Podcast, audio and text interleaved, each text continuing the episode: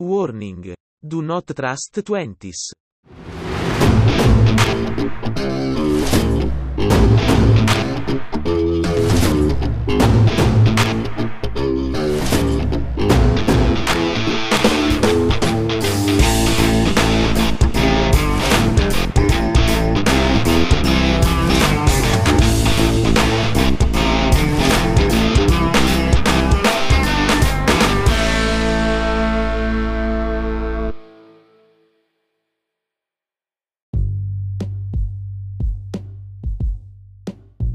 Halo semuanya siapa pun yang sedang mendengarkan podcast Do Not Trust Twenties, nama gue Andrika Prakasa. Eh, tadi gue udah nge-review, eh nge-review, ngomongin singkat tentang eh, final Wimbledon ya petenis pria, dan juga ngomongin Djokovic sebenarnya, Djokovic, Federer dan Nadal, posisi mereka gitu ya di eh, olahraga tenis sekarang ini.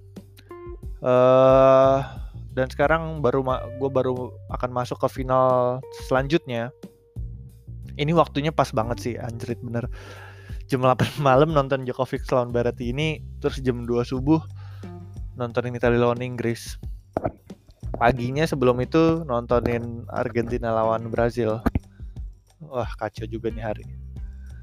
Uh, but anyway Italia lawan Inggris uh, bakal terjadi di final Euro uh, tahun ini menurut gue ini final yang ideal sangat-sangat ideal dan secara komersial komersial value sih ini gue yakin gede banget gitu. Karena Italia lawan Inggris dua tim dengan uh, sejarah sepak bola besar meskipun secara gelar juara timnas Inggris tidak ada papanya dibanding Italia tapi dua negara ini punya peran yang sangat besar di persepak bolaan dunia terutama persepak bolaan Eropa dari kontribusi mereka uh, liganya, habis itu menghasilkan pemain-pemainnya, habis itu dari media-medianya sampai sekarang mereka akhirnya berlaga di final Euro 2020 yang diadakan di tahun 2021.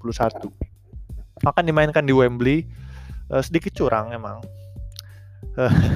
dimainin di kandang Inggris. Tapi hmm, Italia lawan Inggris ini secara bukis itu mereka lek-lekan mainnya. Jadi nggak ada yang difavoritkan oleh bandar. Nggak ada yang ngefur nggak ada yang difur. Uh, berarti ini sebenarnya bisa dibilang secara 50-50 itu orang akan uh, benar-benar berdiri di pandangan kalau mereka berdua ini akan main seri lah selama 90 menit. Tapi secara kayak uh, lebih berat di Inggris kayaknya minus 20% jadi kalau pasangnya let's say 100 ribu menangnya cuma 80 ribu Uh, sedangkan Italia itu dia plus kayaknya. Jadi sedikit lebih diunggulkan Inggris sebenarnya. Uh, karena emang main di Wembley, jadi itu menurut gue sih kalau mainnya bukan di Wembley mungkin benar-benar 50-50 ya. Tapi karena ini main di Wembley, jadinya kayak lebih condong ke Inggris sedikit, uh, lebih diunggulkan. Uh, dan Italia lawan Inggris, gue preview dulu sedikit. Kira-kira menurut gue permainannya akan jadi seperti apa. Italia ini kan kemarin pas di, di semifinal lawan Spanyol ini uh, sebenarnya secara permainan ini benar-benar diredam banget ya ditutup. Nggak 100% tapi ya lu 90% Italia mau keluar tuh uh, sangat susah sebenarnya uh, pas lawan Spanyol. Menurut gue itu ada beberapa faktornya. Yang pertama itu uh, pas di preview semifinal kan gue bilang kalau beneran dari awal strateginya ini nggak ada yang diubah sebenarnya Italia yang sebenarnya lebih diuntungkan gitu kan. Tapi ternyata Enrique ada nge-tweak sedikit uh, strateginya yaitu dia nggak pasang lagi striker murni nggak pasang nomor 9 di situ tapi yang dia pasang adalah pemain false nine. Jadi di depannya itu dia pasang uh, front three-nya Spanyol itu pas lawan uh, Italia kemarin itu lawan Oyarzabal. Eh dia mereka pasang Oyarzabal uh, Dani Olmo yang tampil uh, bagus banget ya Dani Olmo. Menurut gue Dani Olmo tuh salah satu yang terbaik penampil uh, pas kemarin semifinal lawan Italia cuman karena dia penalti gagal aja jadi orang-orang udah lupa gitu seberapa hebatnya dia pas tampil lawan Italia. Uh, anyway, jadi uh, Spanyol kemarin pasang tiga orang, Oyarzabal, Dani Olmo dan juga satu lagi itu siapa kemarin ya? Ferran Torres. Nah, ketiga pemain ini itu di front three ini semuanya rotasi nanti siapa yang dari kiri bergerak ke tengah, yang tengah bergerak ke kanan, yang kanan bergerak ke tengah, pokoknya rotasi terus, nggak ada yang jadi striker murni. Uh, jadinya mereka posisinya itu bukannya completely free roll, tapi lebih bebas lah. Ketika mereka mau bergerak ke arah yang kosong, itu mereka lebih leluasa gitu, karena emang mereka uh, lebih fleksibel untuk bermain. Nah, jadinya hmm, karena mereka mainnya pakai false nine, nggak ada tuh yang ngendok di depan sebenarnya. Jadinya nggak ada striker nomor 9 yang terus-terusan tetap berada di depan. Mereka terus rotasi. Jadi uh, di satu sisi selalu ada pemain tambahan yang bermain di tengah gitu. Entah itu Oyer Zabal atau Dani Olmo. Karena Ferran Torres emang lebih sering tetap stay di depan sih ya, tapi beberapa kali juga uh, ikutan bantu defense. Tapi poinnya adalah seperti yang dikatakan Aspilicueta, Hamin satu sebelum mereka tanding, Aspilicueta itu bilang uh, Italia itu penyerangannya luar biasa bahayanya. Tapi kita untuk apa namanya mayoritas dari mereka serangan mereka itu datang dari satu orang doang. Sebenarnya datang dari Jorginho. Jorginho ini selalu jadi satu orang yang menginisiasi serangan gitu. Dia bukan yang ngasih assist, dia bukan yang ngegolin. Tapi key passes pertama, operan kunci yang pertama kali dilakukan itu selalu pertama kali dilakukan oleh Jorginho. Dia yang mulai inisiasi serangan. Dia yang tahu kapan dia mesti mainin bolanya cuma tektokan kiri kanan belakang atau kapan dia harus mulai passing ke depan karena dia tahu ini saatnya menyerang tim-timnya semua udah pada posisi yang uh, tepat untuk melakukan sebuah penyerangan. Nah itu yang persis juga dilakukan sama uh, Spanyol kemarin. Uh, jadi teng lini tengahnya Spanyol itu benar-benar nutup lini tengahnya Itali di pressing mampus, terutama Pedri itu ya. Uh, dia juga lagi on form, bagus banget mainnya. Jadi Jorginho itu ditutup mati-matian. Jadi Jorginho nggak dapet ruang. Tapi Italia masih punya satu opsi lagi kan untuk uh, kalau Jorginho ditutup uh, full, Italia masih bisa pakai Verratti yang bisa ngecover role Jorginho. Tapi ternyata Verratti juga ditutup uh, sama Koke. Habis itu dibantu lagi karena tadi Spanyol itu pakai false nine. Jadi salah satu dari Oyarzabal atau Dani Olmo itu bisa bantu cover untuk uh, ngepres antara Jorginho dan Verratti sampai akhirnya Barella pun juga di terakhir-terakhir di pertengahan babak kedua akhirnya juga mainnya turun jadinya mesti turun juga buat bantu serangan dari belakang. Karena mereka di press juga sih harus defend harus defend terus uh, Spanyol menguasai pertandingan. Tapi poinnya adalah uh, itu salah satu taktik yang berhasil dari Spanyol. Uh, mereka mematikan Jorginho uh, di pas 90 menit jadinya Italia nggak bisa ngebangun serangan. Terus habis itu long bolong ball Italia kemarin juga nggak se akurat biasanya ya. Jadi kan Italia bisa main long ball sebenarnya. Dan front three-nya Italia itu kemarin uh, terlepas dari gol Chiesa Chiesa juga sebelum ngegolin tuh dia nggak nggak memberikan kontribusi apa apa sih. Jadinya emang front three kayaknya juga emang lagi kurang on form Jadinya Spanyol kemarin sebenarnya sangat-sangat menguasai pertandingan. Cuman persis kayak apa yang kita semua udah prediksikan. Spanyol menguasai pertandingan tapi satu aja mereka lengah. Satu aja uh, mereka nggak sefokus itu. Italia bisa ngebobol Spanyol dan itu kemarin dibuktikan sama Chiesa. Chiesa sepanjang pertandingan main biasa aja. Tapi lu dari 10 kali nyoba sesuatu uh, tapi kalau emang lu kualitas pemain bagus pasti adalah satu gitu yang berhasil lah. Itu sebenarnya kemarin dilakukan Kiesa. Dia dribble terus dribbling dribbling dribbling berkali-kali gagal terus gagal terus. Coba cari uh, celah buat shooting gagal terus. Tapi kalau lu udah pemain emang sebagus itu uh, it will come gitu. Si satu peluang itu pasti akan datang. Dan itu datang ke Kiesa kemarin. Nah sementara Inggris uh, Inggris ini kan sangat fleksibel ya. Dia itu strategi yang dipakai benar-benar akan menyesuaikan sama lawan nih gitu. Kayak lawan Jerman, Jerman ini sangat kuat dengan 3-4-3-nya. Uh, abis itu akhirnya dia pasang juga uh, formasi mirroring gitu. Dia juga pasang 3-4-3. Habis itu uh, pas kemarin lawan Denmark, walaupun Denmark juga 3-4-3, formasinya tapi uh, Inggris akhirnya melakukan 4-3-3 tapi Saka di posisi kanan supaya Saka bisa ngeba uh, supaya bisa bantu defense dari sisi serangan uh, Joachim Mele. Joachim Mele ini kan jadi uh, sisi yang paling berbahaya ya dari serangan Denmark dari sisi kiri. dan akhirnya Saka dipasang di situ untuk nahan uh, serangan eh pokoknya bantu defense lah ketika Denmark mau nyerang dari sisi kiri. Nah, sementara pas lawan Ukraina karena Ukraina cenderung lebih bertahan, akhirnya uh, sisi kanannya yang dipasang bukan Saka tapi ya itu Jadon Sancho yang mungkin secara uh, skill lebih dianggap uh, lebih dianggap lebih dianggap bagus gitulah dibanding Saka karena Saka ini lebih all round lah tipe pemainnya. Nah jadi Inggris ini tuh sangat menyesuaikan banget uh, dengan lawannya. Tapi gue nggak nggak tahu nih Inggris ini uh, perbedaannya kayaknya Inggris nggak mungkin bisa ngelakuin apa yang Spanyol lakuin. Karena Spanyol itu kalau main kemarin bisa nutup lini tengahnya si Itali itu karena mereka uh, defending midfieldernya itu itu benar cuma satu itu cuma Sergio Busquets doang. Nah mereka punya dua uh, defender yang sangat ini ya sangat mobile. Bisa dibilang box to box tapi bisa juga dibilang attacking karena Pedri dan Koke ini uh, maju mundurnya lumayan ini ya lumayan kerja keras gitu si Koke dan Pedri ditambah ada salah satu di salah satu dari itu tuh Oyarzabal atau Olmo gitu yang bantu turun akhirnya selalu ada tiga orang gitu yang buat ngepres lini tengah antara Jorginho dan juga Verratti. Nah sementara di Inggris Inggris tuh pakai dua DM dan selalu Declan Rice sama Calvin Phillips. Gue lupa tapi kayaknya mereka hmm, mereka nggak pernah dicadang. Declan Rice sama iya mereka se seingat gua mereka nggak pernah dicadangin Declan Declan Rice sama Calvin Phillips. Dan mereka ini dua DM ya meskipun Calvin Phillips ini sering box to box gitu ya. Tapi kan fungsinya uh, sebenarnya Calvin Phillips ini benar-benar fungsi utamanya juga untuk bertahan yang lebih uh, di sisi belakang lah bukan di sisi uh, half depan gitu uh, attacking half tapi di defensive half kan sebenarnya fungsinya. Uh, jadinya mereka cuma punya satu attacking midfielder uh, yaitu Mason Mount. Seandainya mereka pakai formasi 4-3-3 lagi ya.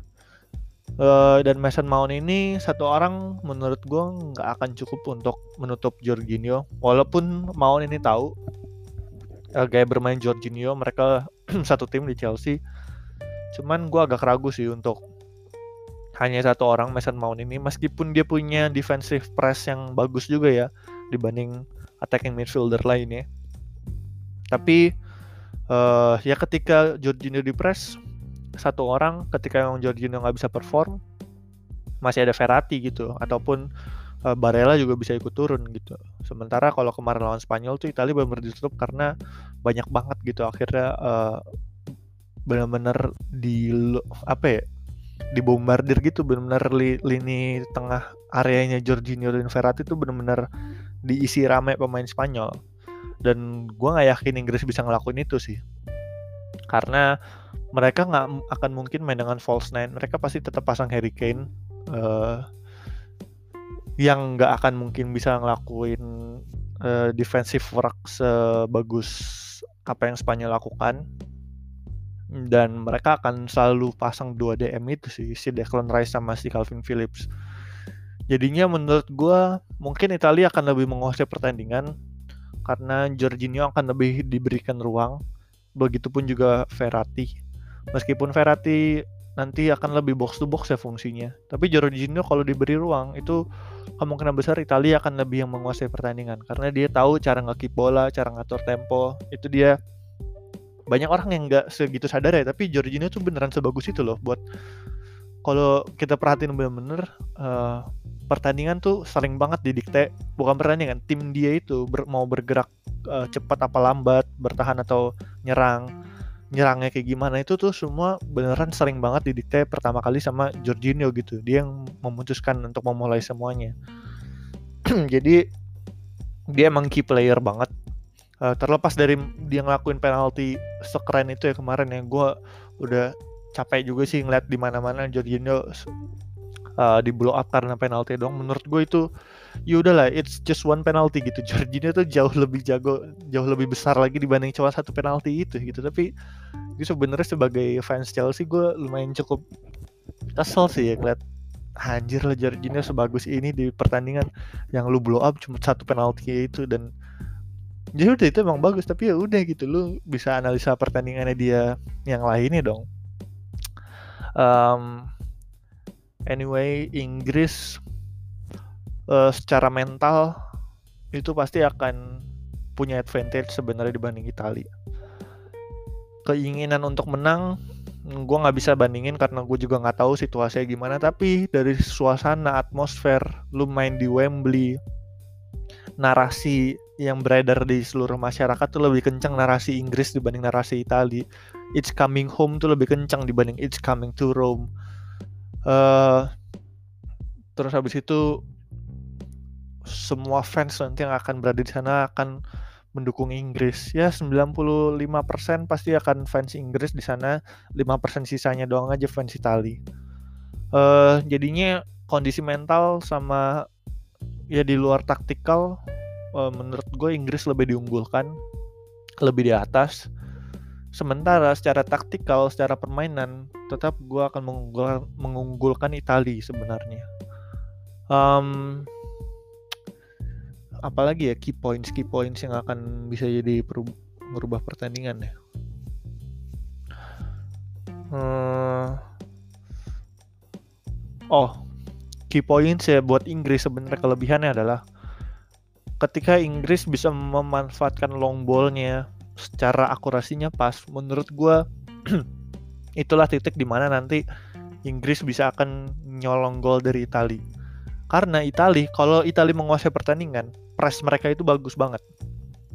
Gue uh, nonton semua pertandingan Italia di Euro kali ini dan ketika mereka dikasih apa namanya space untuk menguasai bola, ketika mereka kehilangan bola, uh, pressnya itu tuh sangat bagus ya. Mereka kemarin nggak dikasih kesempatan itu ngelawan Spanyol karena mereka nggak dikasih kesempatan buat menguasai pertandingan. Jadinya mereka nggak punya, mereka nggak uh, sampai di titik ini sistem gue untuk ngepres gitu. Jadinya nggak dapat kesempatan itu. Sementara kalau Inggris menurut gue lebih mudah untuk dipres oleh Italia dibanding kalau Italia ngepres Spanyol. Nah menurut gue satu-satunya kesempatan Inggris untuk nyolong gol itu adalah ketika mereka ngerebut bola dari Italia terus instead of pakai short passing mereka bisa langsung main direct ball bisa pakai long ball, bisa langsung kasih ke Sterling ataupun Saka di depan ataupun Kane. Ini gue bisa ngebayangin ini kayak permainan Spurs banget nantinya nih. bisa jadi nih. Kayak direbut bola di belakang. Habis itu bola dikasih ke Kane. Kane-nya agak turun sedikit gitu. Dia long ball ke Kane. Kane ngontrol pakai kakinya, pakai dadanya. Habis itu Sterling atau Saka tuh coming from behind gitu lari. Terus Kane dengan Kane itu kan operannya bagus banget ya. Terus Kane tinggal kasih segitiga gitu ke depan. Dia tinggal mencet segitiga ke depan umpan terobosan terus Sterling atau Saka terus finishing. Gue anjir gue nggak tahu kenapa gue itu itu adalah best case atau just a regular case of scenario gitu yang bisa gue bayangin ketika Inggris ngelawan Italia gol Inggris kayak gimana. Gue ngebayanginnya gol Inggris kayak gitu sih. Um, karena ketika Italia ngepres tuh semuanya di depan sehingga ada gap gitu antara defensive line-nya sama midfield line-nya. Kecuali Jorginho, juga stay di belakang ya. Tapi habis itu kalau Kane turun sedikit aja, terus misalnya Declan Rice apa Calvin Phillips ataupun backnya lah Maguire, John Stones itu kan dua back itu juga punya akurasi long ball yang cukup oke okay lah. Maguire sama John Stones tuh bukan tipe back tengah yang nggak bisa passing jauh gitu mereka bisa gitu. Kalau mereka nemuin Kane terus Kane bisa ngontrol dengan badan yang strong itu terus kasih terupas ke Saka ataupun Sterling menurut gue itu adalah chance Inggris untuk bisa nggolin di satu sisi cara Italia untuk uh, menangkal itu menurut gue adalah ketika mereka nggak ngasih kesempatan mereka untuk ngoper ke depan tapi tetap press terus supaya mereka ngoper ke belakang sampai ujung-ujungnya bola itu ada di kaki Pickford. Kalau udah kaki bola itu ada di kaki Pickford, menurut gue sebagus apa pun long ball Pickford yang nggak akan sebagus itu sih. Pickford tuh kacau ya long ballnya. Out melulu lah. Iya out melulu sih setiap gue nonton tuh long ballnya kacau banget jadinya menurut gue untuk menangkal long ball long ball Inggris yang jatuh di kaki Kane ataupun Sterling ataupun Saka press terus supaya bola itu yang nendang itu ujung-ujungnya Pickford gitu. Nggak tahu sih ini cuma analisa gembel gue doang. Um, tapi secara permainan gue ke Italia meskipun hmm, ya ini gue sih bisa ngeliat kemungkinan sih nggak nggak nggak kelar sih di 90 menit. Seandainya kelar 90 menit ya udah paling kayak cuma satu kosong gitu sih balik lagi ini gue ngeliat gol lebih dari dua ya. Eh ya dua mungkin. Ya gue ngeliat dari dua sih. Jadi kalau over under over undernya uh, dua seperapat ya kalau nggak salah ya. Gue belum lihat juga sih. Tapi kalau dua seperapat sih ya kayaknya gue pasang under. Uh, tapi kalau over undernya cuma di dua itu nggak tahu sih. Cuman biasanya sih final-final uh, lebih banyak kayak case yang eh, nggak uh, akan lebih dari dua gol sih. Final final Euro terakhir kosong kosong uh, Perancis lawan Portugal. Final Piala Dunia 2018 sih gede sih banyak 4-2 Terus final Champions League kemarin 1-0. Final Champions League tahun lalu 1-0 juga PSG kalah sama Munchen. Jadinya ya mungkin gak tau sih gue sih ngeliatnya lebih banyak case yang cuman skor 1-0 ataupun 0-0 ataupun mentok satu sama gitu kali ya.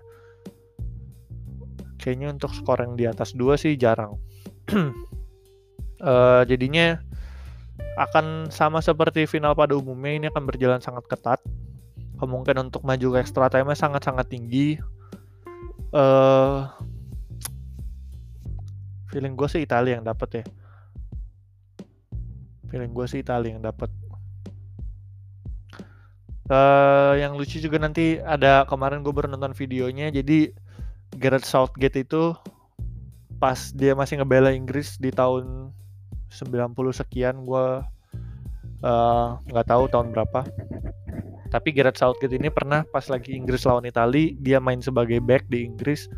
Terus dia pernah berantem sama bapaknya Chiesa gitu. di saat itu bapaknya Chiesa jadi uh, pemain Italia gitu, pemain timnas dan bermain juga. Jadi salah satu yang posisinya menyerang harusnya. Terus habis itu si Chiesa ini berant eh, bapaknya Chiesa ini berantem sama Southgate. Terus sekarang anaknya akan bertemu Southgate yang menjadi manajer gitu yang depannya Southgate nih punya anak-anak anak-anaknya ini sekarang si pemain-pemain Inggris terus akan bertemu sama uh, anaknya musuhnya dia yang zaman dulu gitu. Jadi Italia Inggris kalau mau dicari story-storynya dicari narasi-narasinya dicari legenda-legendanya yang bikin bumbu-bumbu keseruan nambah gitu itu sebenarnya banyak banget Italia lawan Inggris uh, tra kayak terakhir mereka ketemu di Euro apa yang terjadi kita bisa tahu uh, Andrea Pirlo ngelakuin panen panen ke penalti ke Joe Hart itu pun diadu penalti. Uh, itu juga jadi bumbu-bumbu keseruan lainnya. Jadinya ya menurut gue ini final yang ideal dah. Secara narasi ini seru banget banyak yang bisa diangkat. Secara uh, kualitas pemain ini juga kualitas pemain yang tertinggi semua kayak kalau dagingnya ini grade A semua lah pemain-pemainnya. Jadi semoga gue berharap ini jadi pertandingan yang seru banget sih. Oke mungkin sekian aja dari gue um, kayaknya gue akan pasang Itali di lek-lekan. Nggak ada yang ngefur nggak ada yang difur. Gue akan pasang Itali selama 90 menit. Uh, siapa pun yang menang yang penting gue mengharapkan pertandingan yang seru gue nggak mau pertandingan yang boring Oke, segitu aja dari gue. Sekian, uh, selamat menikmati final Euro 2020. Kita ketemu selanjutnya setelah pertandingan final selesai. Oke, thank you semuanya. Bye-bye.